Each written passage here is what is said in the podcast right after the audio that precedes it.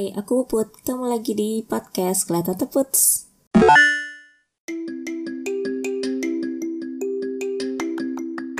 Hai, balik lagi di podcast Kelihatan Teputs. Hari ini kita membahas tentang karakter orang Jepang bagian 2. Uh, judulnya egois atau respect. Kenapa aku ambil tema ini? Karena banyak banget nggak banyak nggak banget juga sih. Maksudnya kayak kadang-kadang kita tahu orang Jepang tuh ih orang Jepang individual banget sih apa apa sendiri gitu kan. Nah tapi kita korek-korek nih kenapa sih mereka begitu? gitu. Apa sih alasannya mereka tuh begitu? gitu.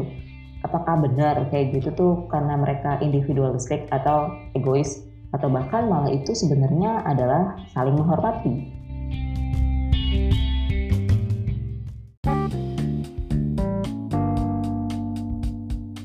katanya orang Jepang tuh individualistik banget apa-apa sendiri gitu. Beda banget sama orang kita yang suka ramean gitu. Bisa dibilang begitu juga tapi kalau kita kulik-kulik lagi kenapa mereka bisa begitu itu sebenarnya ngaruh dari kayak kebiasaan mereka sehari-hari dan kebudayaannya juga. Misal ya aku cerita waktu aku itu sekolah SD itu sekolah sampai siang. Terus pulang sekolah main sama teman-teman main masak masakan lah apalah gitu sampai sore gitu. Kan dulu anak kecil mana mau tidur siang gitu kan. Main sampai sore terus main sama teman-teman sama tetangga lah gitu. Jadi deket kan. Dan itu berlangsung sampai SMP kok nggak salah. Aku nggak bisa kayak gitu lagi SMA karena jam sekolahku tuh sampai sore sampai jam 4 dan aku baru nyampe rumah jam 6 gitu. Nah itu dia yang terjadi sama uh, anak-anak di Jepang mereka itu sekolah sampai sore.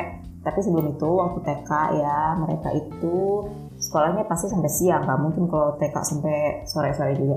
Cuma mereka tuh udah dididik untuk mandiri apa-apa sendiri gitu. Kayak misalkan di TK itu ada pembagian piket bersih-bersih kelas dan piket uh, makan siang. Siapa yang bagi-bagiin gitu. Kan mereka kayak makan siangnya ada yang uh, satu waktu yang disediain dari sekolah gitu. Jadi ada yang piket buat uh, nge-serve ke orang-orang gitu nyediain ke orang-orang tuh ada. Kayak gitu kan dilatih dari waktu TK ya. Bahkan SD aku lihat juga banyak yang berangkat sekolah sendirian gitu naik kereta jauh. Nggak dianterin. Kita kan dianterin. Bahkan sampai SMA dianterin kan gitu.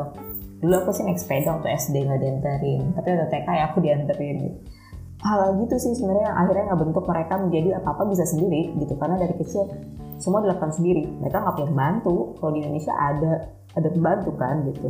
Jadi mereka apa apa sendiri ya otomatis berasanya kayak nggak butuh bantuan orang lain orang bisa sendiri gitu. Terus jadi kayak mikirin diri sendiri gitu gitu. Tapi sebenarnya itu ya karena mereka bisa apa apa sendiri sih. Itu sebenarnya menurutku. Kenapa mereka akhirnya eh, apa apa sendiri gitu nggak mau ramean kayak kita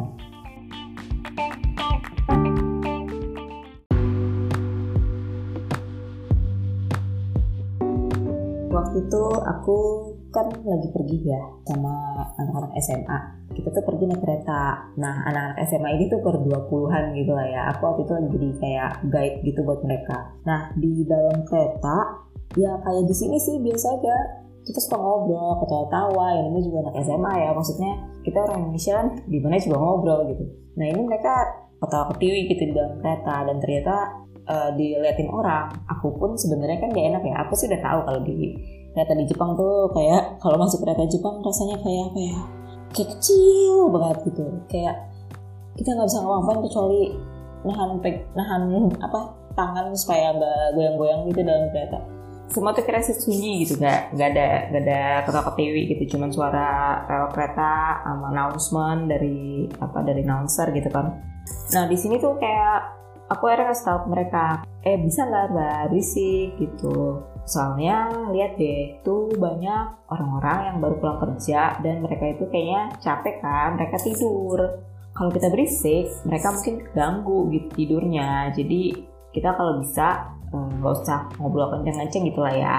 Nah eh, situasi kayak gini nih itu tuh banyak banget yang apa ya kurang kurang kita tahu gitu uh, orang Indonesia kalau uh, itu tuh salah satu apa ya kalau di Jepang di kereta sampai mana mode itu kayak manner mode mode di mana kita harus manner, manner good manner gitu.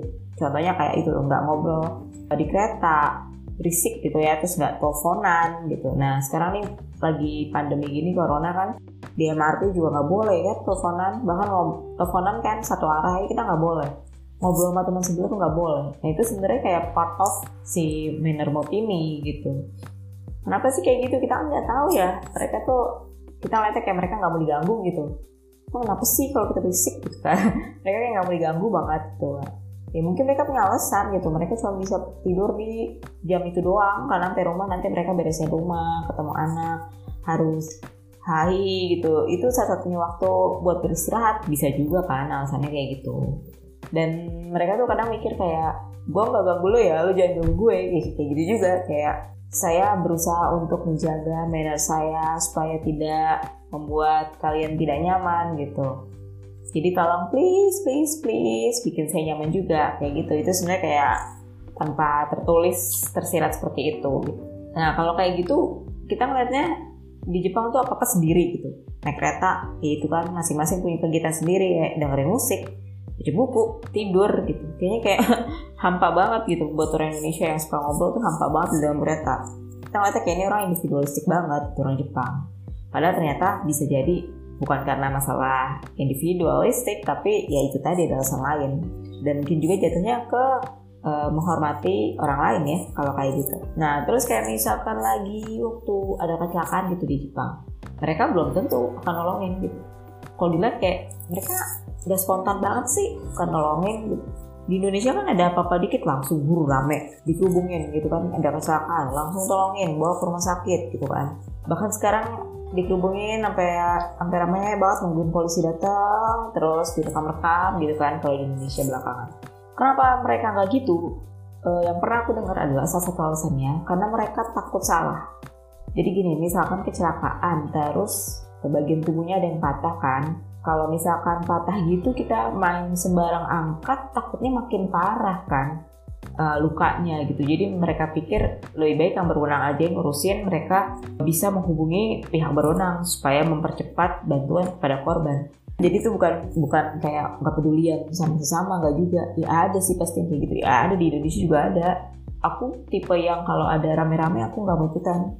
Bukan karena aku tidak peduli kalau menurutku kayaknya itu terlalu bukan urusanku dan nanti aku di situ juga nggak ada manfaatnya buat merubungin itu gitu. Kayaknya kurang berfaedah aja aku di situ gitu. Kayak aku pernah akhirnya menegur ponakan kita lagi naik motor sudah rame-rame ponakanku nengok belakang. Terus memperlambat laju motor gitu kan aku tegur kayak ngapain pelan-pelan? Kalau kayak gini kita malah bikin kendaraan di belakang kita jadi ngantri karena kita jalannya pelan-pelan gitu. Terus ngapain juga nengok-nengok? Kita kalau kita nabrak gimana kayak gitu. Itu sih yang menurutku harus diterangin ya orang Indonesia. Ngerubungin ngerubungin gitu buat apa kalau nggak kebantu gitu kan? Kayak kebakaran ditonton.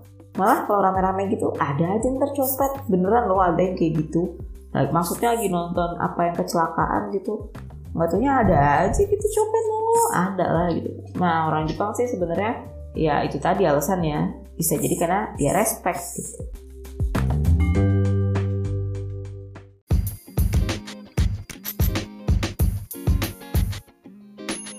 So, aku merasa egois atau respect itu adalah dari pikiran kita sendiri gitu. Kalau kita melihatnya negatif ya, berarti kita mikirnya mereka egois. Tapi kalau misalnya kita pikirnya positif, ya mungkin itu mereka menghormati kita gitu. Jadi kurasa ya itu tadi juga kayak beda kebiasaan, beda kebudayaannya itu pengaruh juga sih membuat sudut pandang kita berbeda gitu Uh, mungkin sebenarnya tinggal perluas lagi aja sudut pandang kita. Kita tinggal lihat aja semua hal tuh benar menurut pribadi masing-masing gitu. Kalau ada orang yang uh, berpendapat lain dengan kita ya udah gitu. Selama itu tidak merugikan kita dan yang lainnya dan orang lain juga gitu. Nggak usah di apa ya pusing-pusing kayak dipaksa untuk jadi sama kayak kita.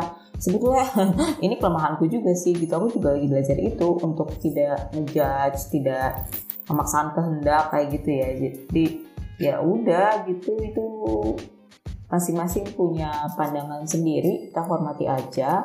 Mau egois mau respect. Kalau egois buat ketenangan dirinya sendiri dan kita tidak dirugikan ya udah gitu. Kenapa kita jadi ribut? Tapi kalau apa namanya ya respect ya itu perlu ya uh, buat sesama manusia.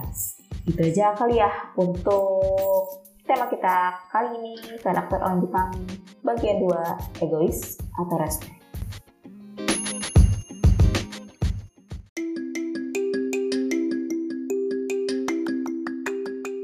Itu dia tadi obrolan dari podcast Kelihatan Teput. Semoga kamu suka dengan cerita di episode kali ini.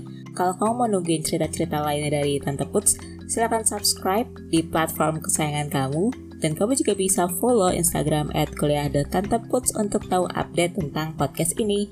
Terima kasih sudah mendengarkan podcast Kelihatan Teput. Sampai ketemu lagi di episode selanjutnya. See you!